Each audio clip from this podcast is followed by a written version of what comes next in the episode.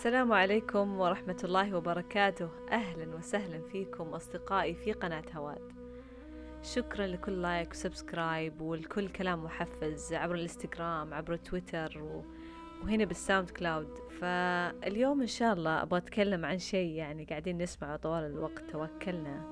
ففكرت إنه فعلا إيش يعني توكلنا؟ إيش يعني إن إحنا نتوكل؟ فكان عنوان الحلقة فتوكل على الله. كعادتي طبعا أرجع لمعنى توكل أي تكفل أو ضمن له. والتوكل على الله هو الاعتماد عليه.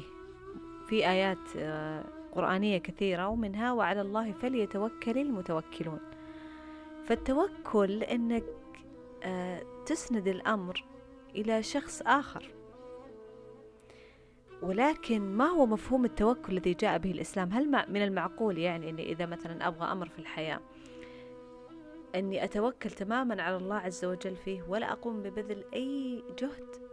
وكمثال على ذلك آه، نذكر قصة آه، آه، مريم عليها السلام عندما أنجبت عيسى. كانت في في مخاض وألم فكانت بجانب نخلة. ولما وضعت عيسى عليه السلام كانت بحاجة إلى ما يروي عطشها ويطفئ ظمائها وسبحان الله كانت بجانبها نخلة. كان فيها رطب وهذا يدل على أن عيسى ولد في الصيف. آه، فقال لها الله عز وجل وهزي إليك بجذع النخلة. تخيلوا امرأة في في مخاضها وبعد الولادة وخروج من الموت. هزي إليك بجذع النخلة. تساقط عليك رطبا جنيا أنه أشخاص بصحتهم العادية ما يستطيعون هز النخلة ولكن الله عز وجل يطلب من مريم التي تضع مولودها أن تهز نخلة. من المستحيل أن تتحرك ومن المستحيل أن يكون أصلا دفعها فيه أي نوع من القوة اللي تجعل الرطب يتساقط. ولكنه سبحانه أعطاها الأمر كناية عن بذل السبب. ولو كان بالشيء البسيط والشيء اليسير.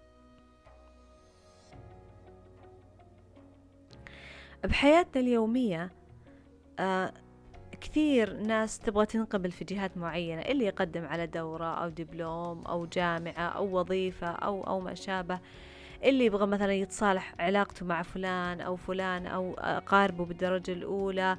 أيا تكن متطلباتنا في هذه الحياة. فخطواتنا تحتاج منا إلى بذل سبب بذل السبب وبعدها تقدر تتوكل على الله عز وجل لأنه حيرزقك وحيعطيك وحيعوضك الخير وحيفتح لك أبواب الرزق بس أنت بذلك للسبب وين؟ تبغى وظيفة هل كتبت سي في أو سيرة ذاتية بشكل جيد محترف؟ هل رسلت هذا هذه السيرة إلى أماكن كثيرة؟ كيف علاقاتك مع الآخرين؟ كيف علاقاتك مع الناس؟ هل تستطيع أنه مثلا بعلاقاتك تسهل لك وظيفة في مكان ما؟ فلان اللي أنت مثلا الآن متخاصم معاه أو تريد آه، تحسين علاقتك معه هل بذلت السبب إنك تتواصل معه تفهم منه يفهم منك غيرت أسلوبك غيرت طريقتك آه، في اي شغلات مثلا قدرت تتنازل عنها أو توضحها أو تفسرها هل هناك بذل سبب؟ تبغى تنزل وزن هل قاعد تسوي رياضة؟ هل قاعد تخفف أكل؟ هل زرت أقل شيء طبيب مختص أو مثلا مدرب رياضة أو حتى تحدث معه أو حتى يا أخي تابعت حسابات بال social media عن هذا الموضوع؟ آه مثلا شخص يبغى يغير ديكور بنزله. طيب هل أنت مثلا جمعت مبلغ مالي لشراء هذه العدة مثلا؟ آه استشرت آه مهندس آه آه معماري أو مهندس آه داخلي. هل قمت مثلا بمتابعة برامج أو حسابات في ال social media تدعم ذلك تدعم هذا الشيء أنت قاعد تزيد من ذوقك في الأثاث وغيره؟ الأشخاص اللي مثلا يعيشون في حالة نفسية آه، شديدة مثل اكتئاب قلق وسواس أفكار غير عقلانية حزن عام للحياة أو نظرة سلبية تجاه الحياة تجاه الأمور هل بذلنا أبسط سبب كزيارة مختص أو طبيب أو حتى استشارتهم عبر التطبيقات أو عبر الأونلاين. يعني بذلنا الأبسط الأسباب.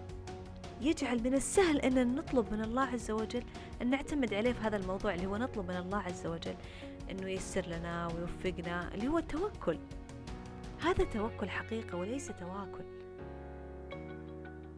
فالتوكل الحقيقي إنك تقوم ببذل السبب ومن بعدها تتوقع من الله عز وجل وتحسن الظن بالله عز وجل. ولذلك قال الله عز وجل في الحديث القدسي أنا عند ظن عبدي بي فليظن بي ما شاء. إحنا إذا ظننا بالله الخير متوقع على الأقل أن نبذل سبب وتوقعك الخير من الله عز وجل هي الإيجابية المطلوبة. لازم يسبقها بذل لازم يسبقها عمل لازم يسبقها جهد. التوكل الحقيقي بذل سبب مع يقين قوي بالله عز وجل بالتسخير والتيسير والفرج إن شاء الله ودمتم بود.